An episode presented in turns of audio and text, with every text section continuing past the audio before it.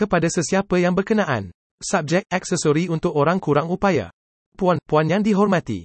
Seperti yang anda ketahui, pelbagai syarikat teknologi sedang membangunkan alat bantuan untuk OKU yang mempunyai potensi besar untuk memudahkan kehidupan mereka.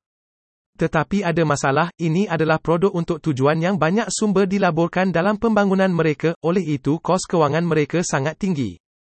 Orang kurang upaya, seperti saya misalnya, selalunya tidak dapat membayar kos tinggi produk ini.